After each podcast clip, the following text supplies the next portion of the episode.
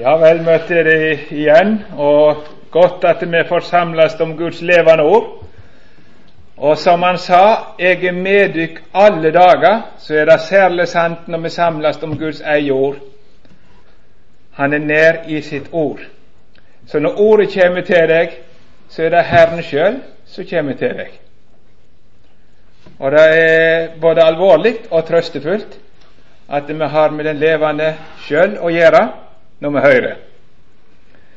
Og Nå har vi, så det alt har hørt, hatt tema fra Romabrevet, og det skal vi ha òg i denne formiddagen. Tross altså de gode tekster som er lest, så står vi ved det. Og sånn som jeg har tenkt, så skal jeg lese fra det tolvte kapitlet. Og de to første versene der skal vi lese, men før vi leser, så vil vi fortsette å be.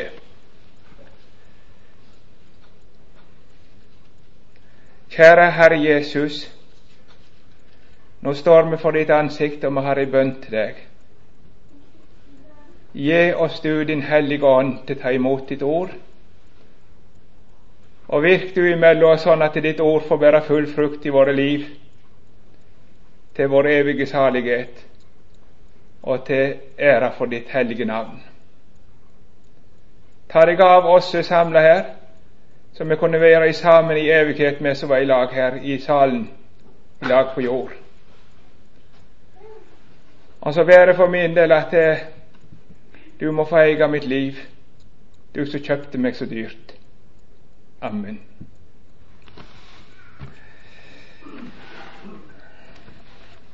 Vi leser Jesu navn. Jeg formaner dykk altså, brød, ved Guds miskunn,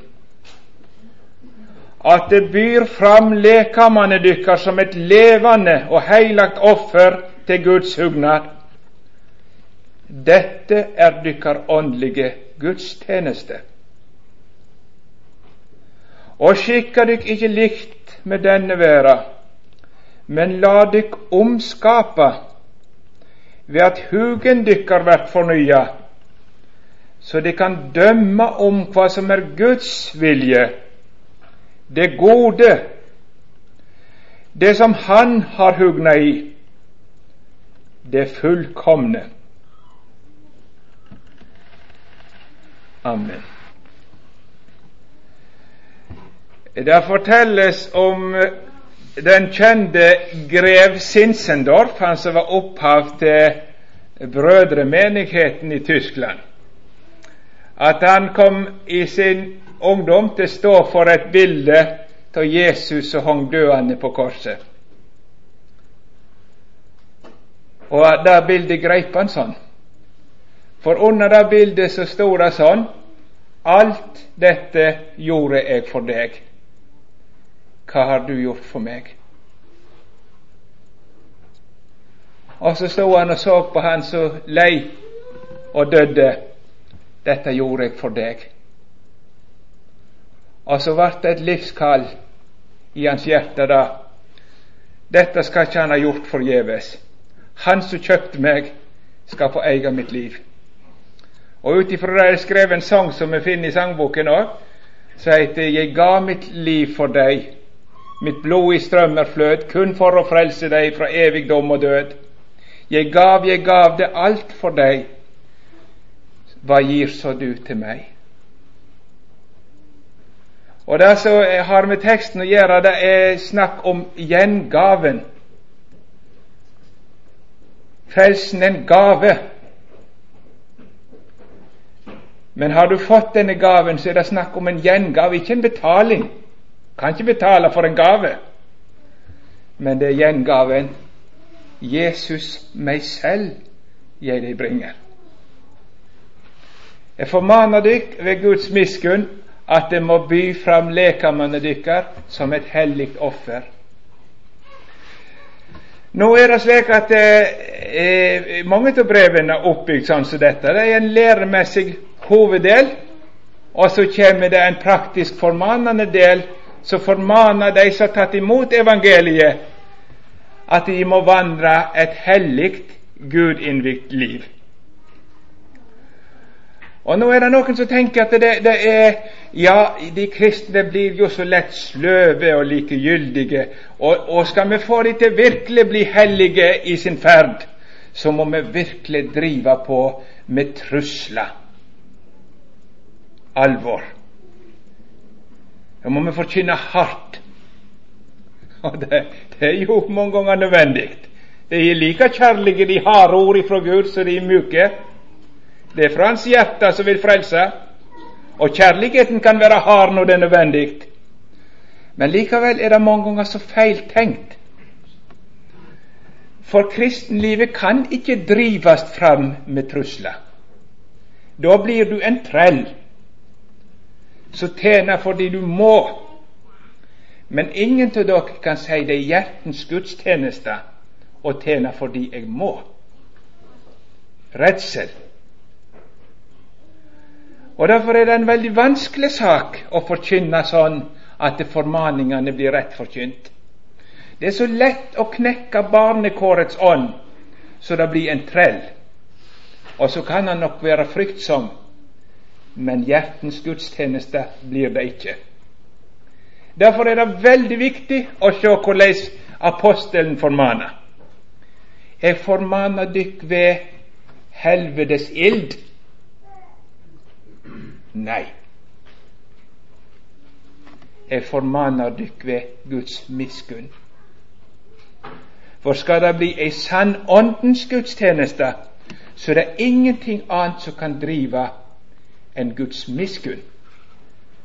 Visstnok så står det da etter de vi kjenner frykten for Herren, så prøver vi å vinne mennesket.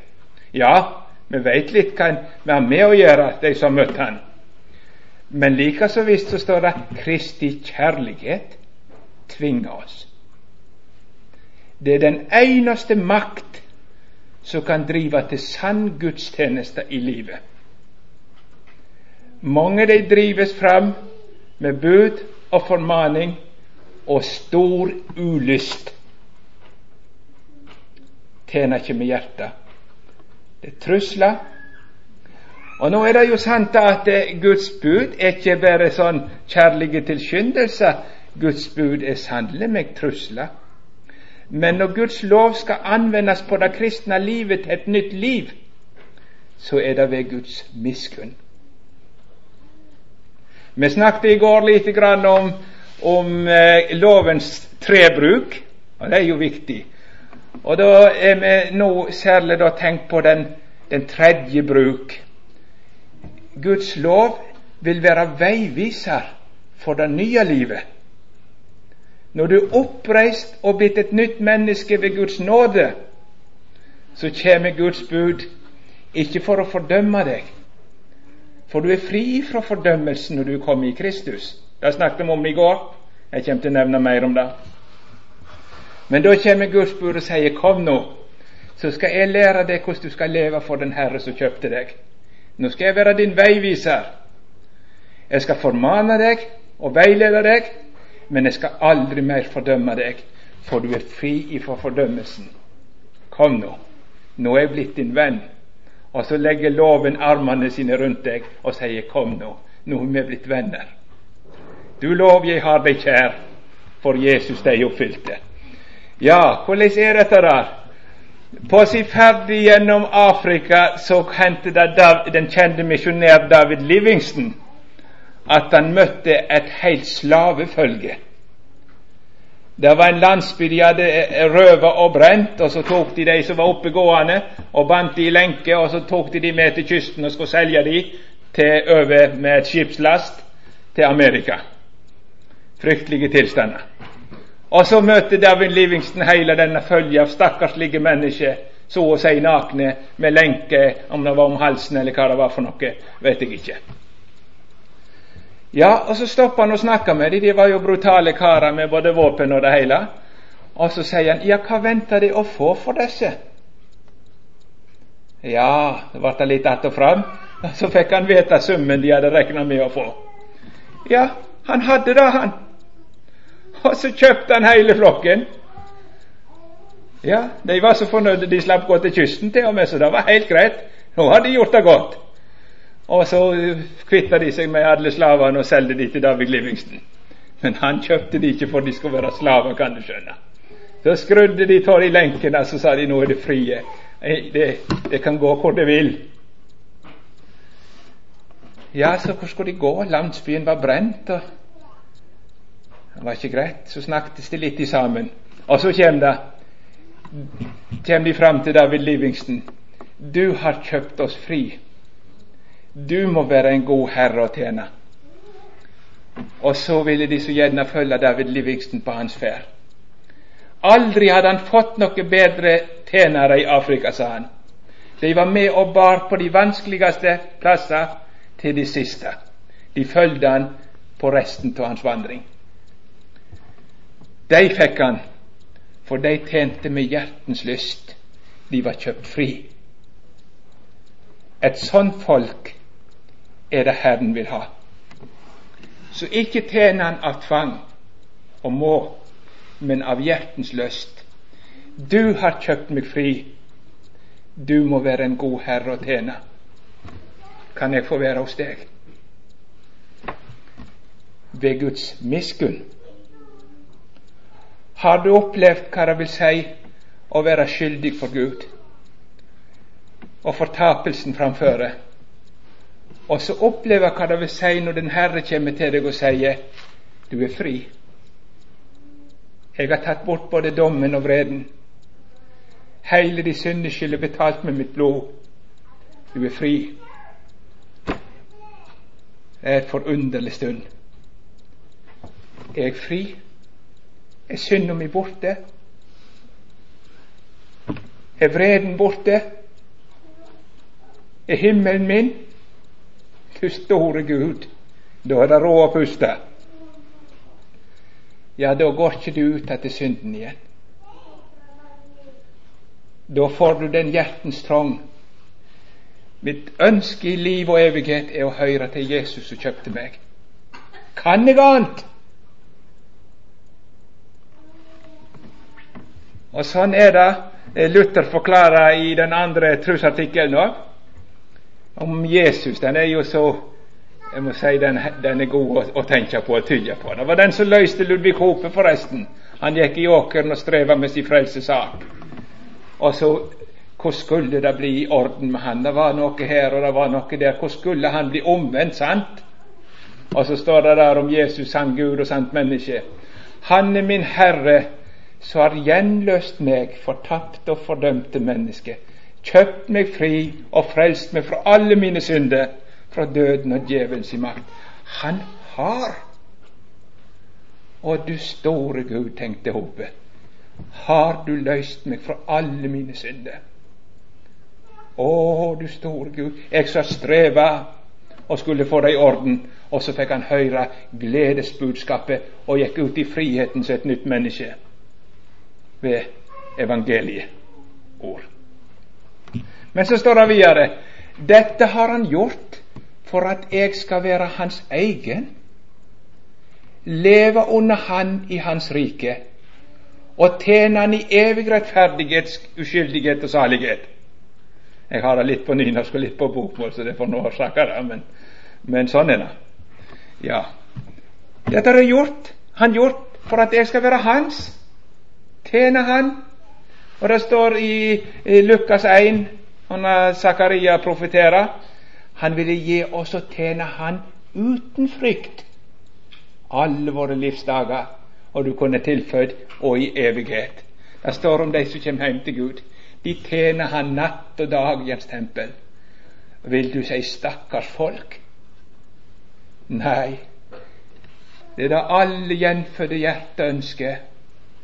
Og om Jesus som kjøpte meg, kunne få eie meg, han skulle tjene. Og så er det da altså den nye hjertetrangen som er født, så dette ordet formaner utenfra, så får sitt gjensvar i troende sitt hjerte ja. Jeg formaner dykk ved Guds miskunn. Jeg hadde lyst til å si litt til i den anledningen om det med Guds miskunn, for det, det, det er fort å lese vekk det her. Og så kommer du vekk ifra selve drivkraften. Og, og, for å bruke det bildet, så er altså formaningene så veiskilt. Du kommer kjørende, så viktig med skilt. Jeg har eh, kunnet havne ute i geografien mange ganger hadde det ikke vært for veiskilt. Ja, sannelig sto det en farlig sving, og den var farlig òg på Vestlandet. Da var det skarpt mange ganger. Ja, og så tar jeg sakka på å komme meg gjennom svingen, selvfølgelig, om det var glatt. Men skilta driver ikke bilen. Det veit jeg. Det må noe annet som skal være drivkrafta. Men for da vil du ikke si det er unyttig med skilt. De driver jo ikke framgjennom i hele tatt. Nei, det er så uendelig nyttig å følge skilta. Jeg kunne ikke plutselig funnet på sånn at nå vil jeg kjøre på venstresida, for det er så kjedelig å kjøre på høyresida. Da forstår det, for å bruke det bildet. Men sånn tenker mange i dag når det gjelder det kristne livet, som ikke kjenner det Men Vi vil leve som vi vil. Nei, du, da kommer du ikke til himmelen. Det er livsfarlig hvis du skal følge din egen tanke. Følg veiskilta. Men veiskilta er ikke drivkraften. Hvis du ikke kjenner noen annen drivkraft enn bud og formaning, så er det ikke kristent liv du lever. Det vil jeg si. Jeg formaner dykk ved Guds miskunn. Jeg har sett Guds miskunn. Og skal jeg bli det på den veien, så må jeg stadig igjen Det kommer jeg litt tilbake til, for jeg tror hvis jeg får orden på det, ved fornyelsen av deres sinn. Du må få se Guds miskunn igjen så det jo stadig fornyes til gudstjeneste. Ja. Men da har jeg eh, lyst til å eh, vise til den, den hellige dåp. For det er jo sånn at det, i dåpen så er det to ting. Det er Ordet, og ordet i dåpen er ingenting annet enn evangeliet. Og det er det som gjenføder. Det som gjør at det er gjenfødelse i dåpen, det er at det er evangeliet. Guds ord, nådeløftet, samla, alt som Jesus står inne for, blir gitt i ordet i dåpen. I tillegg til ordet så er det tegnet. Og det er å bli døpt i vann. Og tegnet viser hva som skjer i det øyeblikket når ordet blir tatt imot i tro. Når ordet får gi troen, så skjer det som tegnet viser. Og da er det to ting som ligger i det med å bli i vann. Og det er tydeligst i symbolikken når en tenker på den første praksisen med neddykking. Senere så ble det jo vanlig med tre ganger. Og det er jo det samme som skjer for det er Guds ord og løfte, men symbolikken blir ikke så tydelig da. Tegnet. Hva som skjer? Jo, en blir vaska rein ifra syndene når et syndersk hjerte tar imot evangeliets ord, så blir en vaska rein. Synda blir forlatt, og en får stå rein for Gud. Stå opp og la deg vaske, sier han. Så ble han døpt til apostelen Paulus. Men det andre er at eh, en går ned i vannet og stiger opp igjen. Og i det er symbolikken at du blir bunden sammen med Jesu død. Du dør med Han og avslutter ditt liv som et syndig menneske. Blir begravd, ferdig med den syndige Øyvind. Han er lagt i grav. Og så stiger det opp igjen et flunkende nytt menneske skapt i Kristus Jesus til gode gjerninger. Og sånn skal de lære dere å tenke om den kristne dåp. Jeg ble bunden sammen med Jesus, sånn at det er hans død, det er min død. Så jeg er ferdig med mine synder i Jesu død. Det er ferdig. Jeg hørte en som brukte det bildet, at eh, Tenk dere en forbryter i Amerika som ble dømt til døden. Ja, så var han ferdig.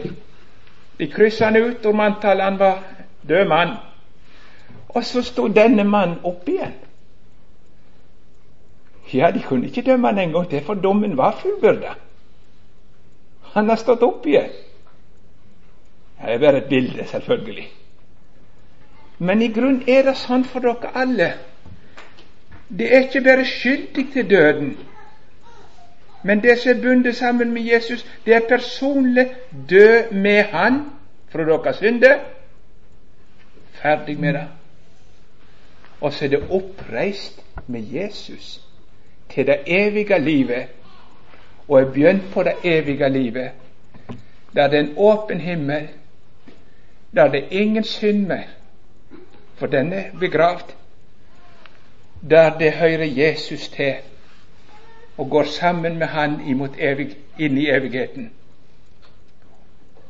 Der du har barnekår, sånn skal du tenke. Guds miskunn, du er forbundet sammen med Jesus og oppreist med Han. Så alt hans er ditt. Ja, du kan ikke snakke rett om Jesus uten å si det. Alt hans er mitt. Barnekår, arverett, en nådig Gud, bønneretten.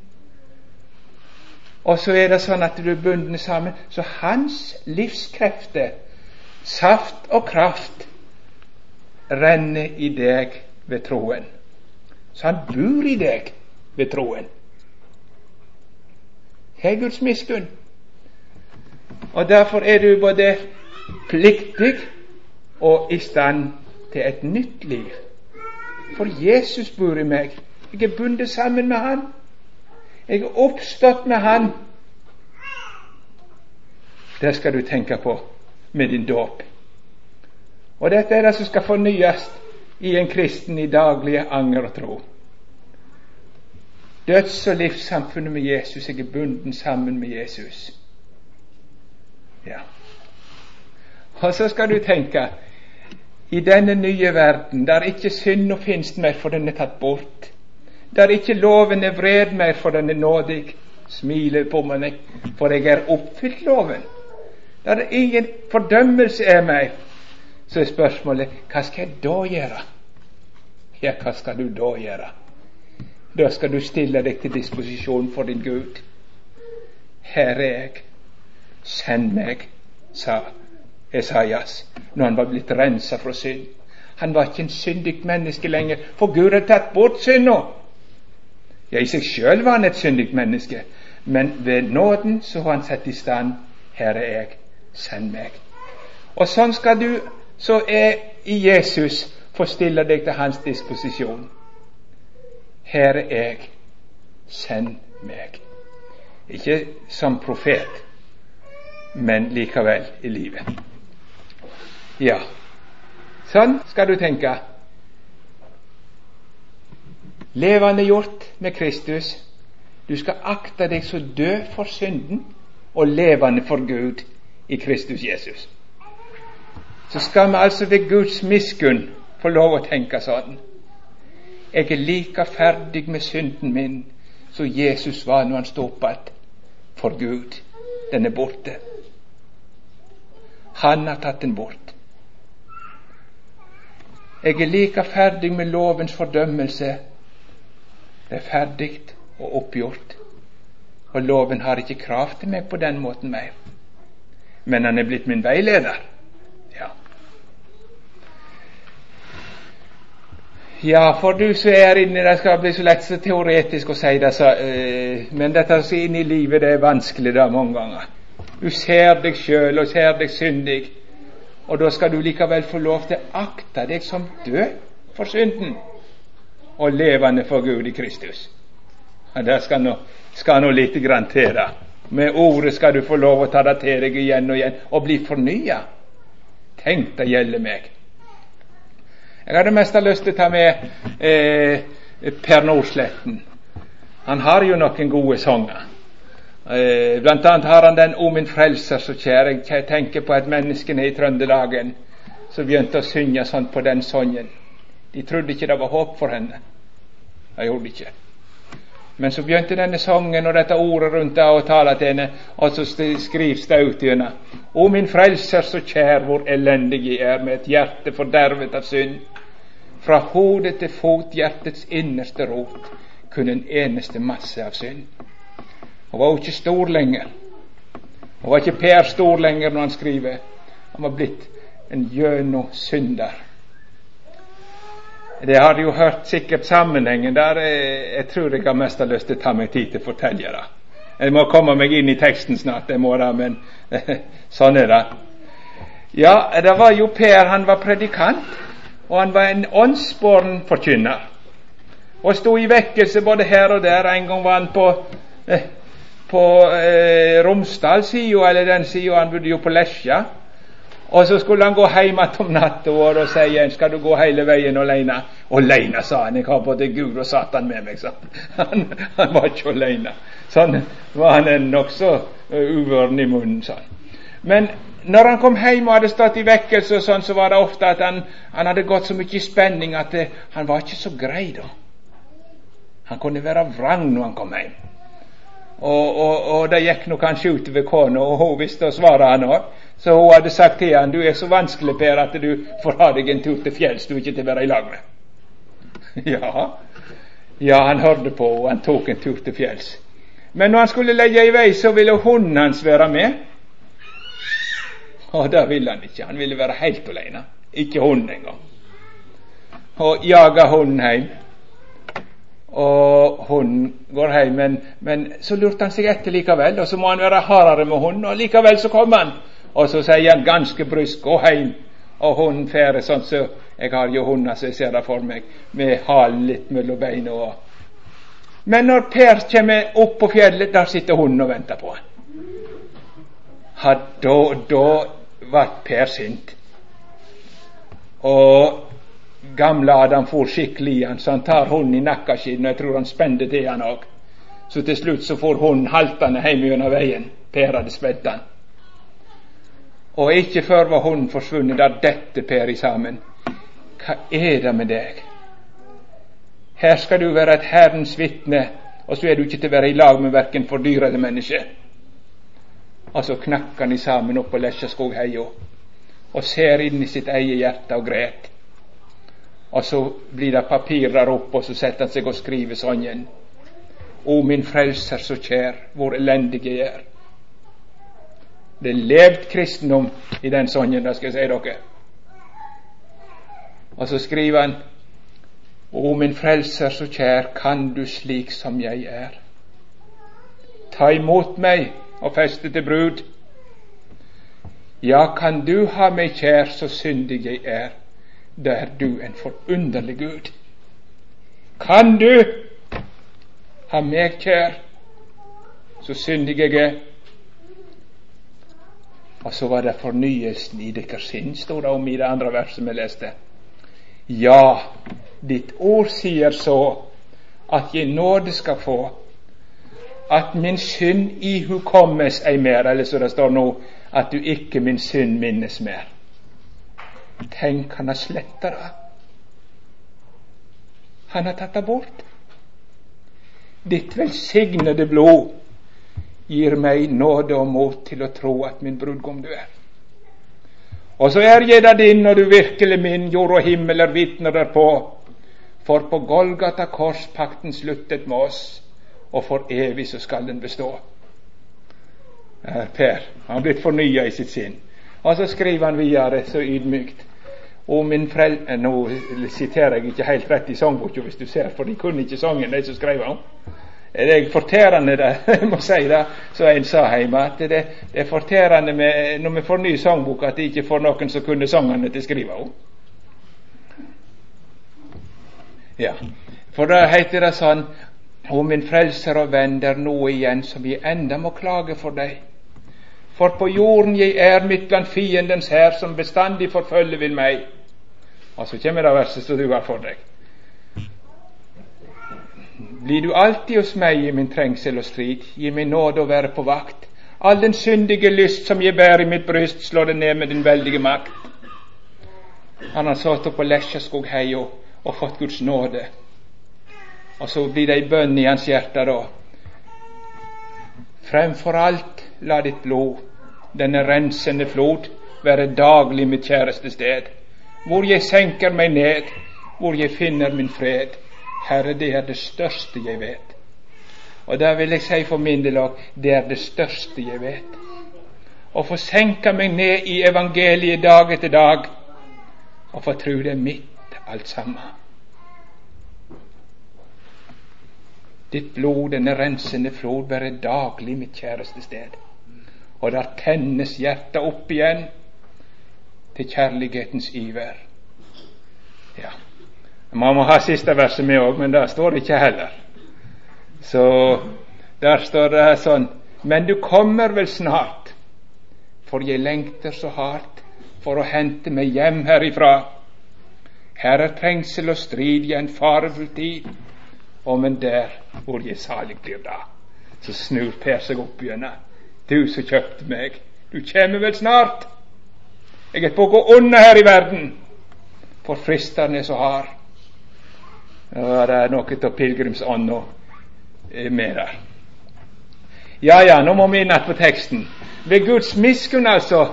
Ja, ditt ord sier så at jeg nåde skal få. Og så tennes han opp igjen.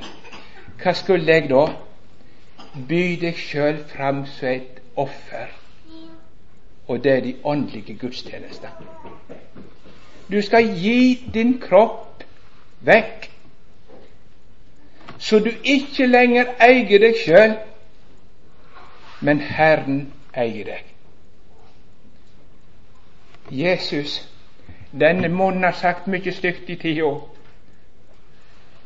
Ta han nå, du, og la han bare stå til din disposisjon. La disse hendene aldri gjøre noe annet enn det som er deg til hugne. Ta de, du. Mitt hjerte, min kropp. Ta mitt liv. Det er fra nå av ikke mitt lenger. Helga til Herren. Så skal det stå på en kristens liv helga til Herren, innvidd til Gud tilhører ikke meg sjøl, så skal det stå på en kristens heim helga til Herren. I denne heimen er det Herren som bestemmer. Så skal det stå over dine øyne og alt du ser, helga til Herren. Og det som ikke Herren er hugna i, det må ut. Åndelig gudstjeneste. Skikka dykk ikke likt denne verden, som ser etter mammon, makt og moro og syndige ting, men blir fornya så det helga til Herren. Og så over det i arbeidstid så står det innvidd til Herren. Ingenting i arbeid som ikke Herren er hugna i men det blir ei underlig gudstjeneste der du går. Nå tjener jeg for Jesus. Det er Han som eier mitt arbeidsliv. Jeg har måttet gitt meg vekk. Han som kjøpte meg, skal eie det. Og så står det ved de fritid helga til Herren. Ingenting på fritida som ikke Herren vil. Ja, da er det noen som tenker ah, blir ikke dette litt trangt? Skal jeg måtte dra han med i alt? Og fryktelig å si sånt. Kjenner du ikke din Herre? Er det ikke hjertens ønske at du tjener Jesus, du skal få eie meg, som kjøpte meg? Å nei, gamle Adam, jeg har ikke lyst til å være med på dette der. Han vil ha sin egen frihet. La han være korsfesta. Han skal ikke være friheten. Så Herren får eie livet. Gå ikke i forretningen en eneste gang uten å spørre det som nå skal kjøpes, har du hugna i dag ut? Når de skal kjøpe bil av folk, så bøy deres kne og spør Herren er det dette du vil med mine penger. Det er så lett å bli så verslig at det som betyr noe, er å få det finere og finere og finere. Og så får folk utover verden bare seile sin egen sjø. Og det trengs at vi begynner å snakke med Gud om vårt liv. Og så er det å bruke fritida til ingenting. Ja, ja, du har godt til å få deg hvile, det er ikke det jeg sier. Og det er godt for en kristen når han får gå til hvile med Jesus. Kommer med til Ødestad og hvil dykk litt. Han sa det eh, Tormod Vågen han hadde Tor, eh, Steinar Hunnestad eh, kontorsekretær, eller hva det nå det heter. Og så hadde Steinar Hunnestad fått seg hytte. Og så skulle de ut på hytta og ha innvielsesfest, nesten. Og da leste, leste Tormod Vågen et gudsord. Og da leste han 'Kom med meg til en øde plass og hvil dykk litt'. Og jeg vil understreke litt, sa han. ja, for han var rett etter fritida skulle ta han helt. Ja, ja, ja, det forordner dere, men innunder Guds auga, folk. Hva vil du, Herre, jeg eier ikke mi tid lenger. Du eier meg som kjøpt meg. Og så er det så godt med de som har på den måten fått innvidd sitt liv. Når et menneske kommer inn i den heimen, så merker han her er himmelens Herre, Herre. Og det er så viktig å snakke om, for, for det er så lett at det, eh, kristenlivet blir noe søndagssaker, og så lever du ditt hverdagsliv som om Gud ikke fantes. Og så er det så mange som blir dratt inn på en syndig vei. I underholdningsindustrien som spyr ut søppel for å få tak i våre sjeler. Nei, folk, da auga som er innvidd til Jesus, kan ikke se på slikt. Nei til de dårlige filmene. Nei til å bruke tida til fjas og ingenting. For jeg har en Herre i himmelen som har fått meg. Skikka dykk ikke likt denne verden, men la dykk omskape. Jeg hadde jo eh, en eh, taling på en plass om dette. Da ble det dra fram enda til litt så det hadde med klesdrakt å gjøre. Det står ikke så mye om sånt i Skriften, men det står likevel litt. Og der står det at det, for det første skal det være sømmelig. Det er ikke alltid moten i tida er sånn at det er sømmelig. Og så kler kvinner seg sånn at det vekker lyst, og gjør det vanskelig for mange å leve reint. Ikke så. Skikka deg ikke lik denne verden, men la deg omskape, så du ikke går rundt som en fristelse for dine medmennesker men sånn at det fører til hellighet. Og så står det ikke dyreklær. En skal ikke flotte seg og bruke ødsla ut og prøve å ta seg ut sånn som verden tenker. Da er det jo de utvortes som teller på alle måter. Og så lytter en kle seg opp så det virkelig monner skal det bli noe. Nei, ikke så, sier Skriften. Sømmelig og med måtehold. Og så sier den òg at mann og kvinne skal ikke kle seg likt. Det vil si at vi skal ikke binde det om til et spesielt plagg, som noen har gjort gjennom tidene. Da var det en hjemme som spurte hva slags nummer i buksa brukte apostlene. Og, og, det var jo sant nok, de hadde ikke, hadde ikke sånn. Men det står ikke manns- og kvinne. Du skal ikke skjule at du er kvinne, at du er mann, med måten en kler seg på. Det skal være orden i skaperverket. Og Derfor sier han da at det er i Korint F.eks. at de skulle få be og profetere i de samlingene, det var rett, men da skulle de opptre som kvinner. Kunne de demonstrert dette der, hvordan det var. Det var ikke det at de skulle gå med slør eller hatt, så jeg skal si det kvinner må hjem etter hatten. For det, det, det var ikke poenget, hovedpoenget, men det var at mann og kvinne hadde i grunnen de samme klesplaggene. Og så skulle de bære de ulikt for å vise jeg respekterer min plass som kvinne. Jeg respekterer min plass som mann, og så gjorde de ikke opprør mot det. Og nå skal ikke vi gå hjem etter greske klær, altså, men vi skal vise i klesdrakt at jeg respekterer den plassen Gud har gitt meg i skaperverket. Dette høres jo helt feil ut hvis du spør motegreiene rundt om. Ja, jeg vet ikke hva som er moten, jeg greier ikke følge med på det. Kona mi har litt mer greie på det, så hun sier at slipset skal være til denne skjorta. Ja vel, så prøver jeg å huske det. En gang kom jeg hjem med helt feil farge på slipset. Da var hun forskrekka på meg. Kunne du gå sånn? Så det, det, er ikke så greit alltid. Ja, det er godt å ha ei kone. Det er ikke godt for mannen å være alene for de fleste. er det så.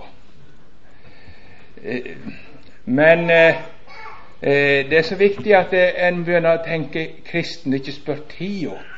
Der mann og kvinne skal være likt på alt. Nei!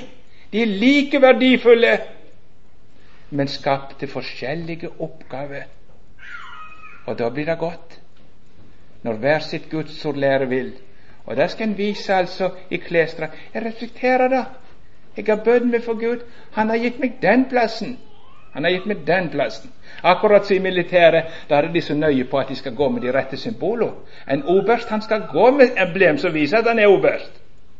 Og en major skal gå med majorsinne osv. Ikke sant? Og sånn har Gud tenkt at du skal vise emblemet ditt at du har godtatt den plassen Gud har gitt deg. Nok om det med klær. Var bare et eksempel på hvor Gud vil at vi skal lære å prøve hva som er Guds vilje. Ikke hva som folk mener, men hva vil Gud? Og så var det andre ting vi kunne gått inn på i livet. Men det som er så avgjørende, er at du har gitt deg vekk. Du bestemmer ikke sjøl lenger. Hva skal jeg verte for noe, spør mange ungdommer. Det er riktig, da. Men spør Gud. Du bestemmer ikke sjøl lenger når du har gitt deg bort. Vi snakker i den EU, EU Du vet jeg som bonde på Vestlandet er avgjort EU-motstander. Det har vært hele veien. Det kan ikke til å diskutere politikk på talerstolen. Men det er noe som har vært viktig for noen av oss i den saken, og det er det som heter sjølråderetten. Vi må ikke gi den bort til Brussel. Sånn tenker vi iallfall. Og så får det tenke hva det vil. Det er nå så. Dette er ikke saligets sak. Men eh, når det gjelder kristenlivet, så er det nettopp sjølråderetten du skal gi bort. Og ikke av tvang, men av hjertens lyst, for Jesus som kjøpte deg. Han skal ha råderetten aleine og gi meg bort. Og så våkner jeg om morgenen og kjenner kanskje ulyst til både Bibel og bønn, og så sier jeg ja, ja, gamle Adam, jeg merker du er våken, du òg. Men jeg har en Herre som har kjøpt meg fri fra alt dette her. Og nå vil jeg ikke spørre deg til råds, men nå skal Hans vilje rå. Jesus, du skal eie meg i dag. Du som kjøpte meg med blod. Tida mi. Ikke synd noe mer, men la deg omskape by livet ditt fram. Og så skal du få være offerprest på den måten at du hver morgen bøyer dine kne og takker Gud for frelsen.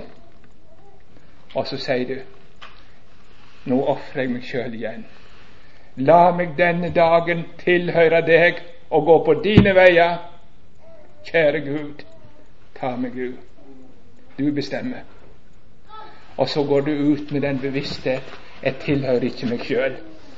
Kommer du i samtale med dine venner, så veit du jeg kan ikke si hva som helst, jeg kan ikke lete hva som helst. Jeg hører Herren til.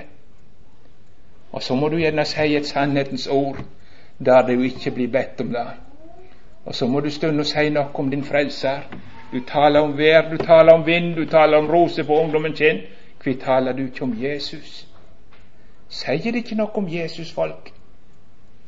Når det færast? Sier du aldri noe om Jesus på din arbeidsplass? Hva kjem det av? Og har ikke du ofra deg sjøl? Prestetjenestene lovprist og høgt ansett av mange, sier Luther, men ofringene gruer man for veldig sjeldne. For de, de koster. Det koster. Og så er det så mange som kanskje ikke innvier sin munn til Herren i dagliglivet. Og så blir det fjas og prat og ingenting. Ja, ja, du skal ikke, du skal ikke alltid preike, det er ikke det jeg mener. Men det er Jesus som bestemmer det. Du må spørre Han til råds og be om Hans ledelse. og be om å få eie det i ditt hjerte som gjør at han forstyrrer munnen. Guds ord er Ja, ja, hvor er kommet henne nå? I familielivet, folk. Tenk om hvem dere skal gifte dere med, det som ikke er gifte. Ja, må ikke dere ta saken i egne hender? Helt fritt. Men spør du Hans og Herre, hva vil du? Og led meg på dine veier. Og så er det fram til bryllupsdagen kan det være spørsmål om det er den rette. Men etter det er vigde, så er det bare spørsmål om å være den rette. Ikke noe annet. Ja. Da skal du følge Herrens ord. Hva Herren sier til deg som mann og som kvinne i ekteskapet. Innvik til Gud. Ja, så kunne vi vært litt Hvor lenge har jeg Går tida? Vil du ha meg ned igjen snart? Ja, det vil du vel. Ja, det, det er ikke spøk når en er så rotete som meg stunda. Men, men, nå skal jeg bare si litt om det med menigheten. For som et Guds barn så er du ikke bare gitt til Herren, men Herren gir deg til Guds folk. Du hører til kristenflokken som et lem på legemet. Og Derfor står du ikke fritt hva du skal gjøre, men du skal høre til kristenflokken, de frelste. Skal du være en tjener i sammenhengen med det som Gud har gitt deg. Eh, jeg var på, i ungdommen med og bygde hytta med en som hadde bare én arm. Han var vel venstrehånda, han hadde forresten høyre var reven tå. Han hang opp fast i transportbanen og, og reiv det opp med skuldra. Og likevel klarte han komme seg ned. Han var en sterke kar. Og han var så sterk i venstrehånda at han klarte mer enn meg nesten med den ene enn jeg klarte med begge. Men jeg så da den gangen at det var jammen godt å ha to hender. var å knytte skoene med ei hånd. Og sånn er det eh, som kristne er med hverandres lemme. Så hvis én drar seg unna, så lammes legemet. Det er mange som ikke har sett det. Vi trenger hverandre. Det er så vanskelig i denne verden for en kristen. Det er så mange ting som vil knekke ned. Og hvor jeg er takknemlig til Gud for jeg fikk møte noen kristne som hjelpte meg og var noe for meg og formante meg. Og stundom bare tok meg i hånden, og det skal ikke alltid så mye til før en kjenner at det drar opp. Men hører sammen. Ikke mitt eie, men jeg er gitt til kristenflokken. Og da ikke først og fremst så en organisatorisk. Vi har jo så mange skilt på. Ja, det er den flokken, og det er den flokken, og det er den flokken. I himmelen blir det verken misjonssambandsfolk eller, eller noen ting, for der er det bare Guds barn som får komme inn. Ja. Og da er det én flokk. De som har Jesus i sitt hjerte. Gjenfødt ved Den hellige ånd. Men, men, men en må jo ha en organisering så lenge vi ikke er engler. Jeg mener ikke en skal rive sånt alt dette der. Vi trenger noe å stå på. Men hovedsaken er at en hører til Guds folk. De som Jesus kjøpte, det er mitt folk. Mellom dem vil jeg være, og mellom dem vil jeg tjene. Og så sier Jesus, et nytt bud gir jeg dykk. Som jeg har elska dykk, skal de elske hverandre. Ja. Jeg blir vekke fra dere, så de ser meg ikke nå før jeg kommer i skyen. Jeg er hos dere, men de ser meg ikke. Og i den tid kommer det ha det vanskelig.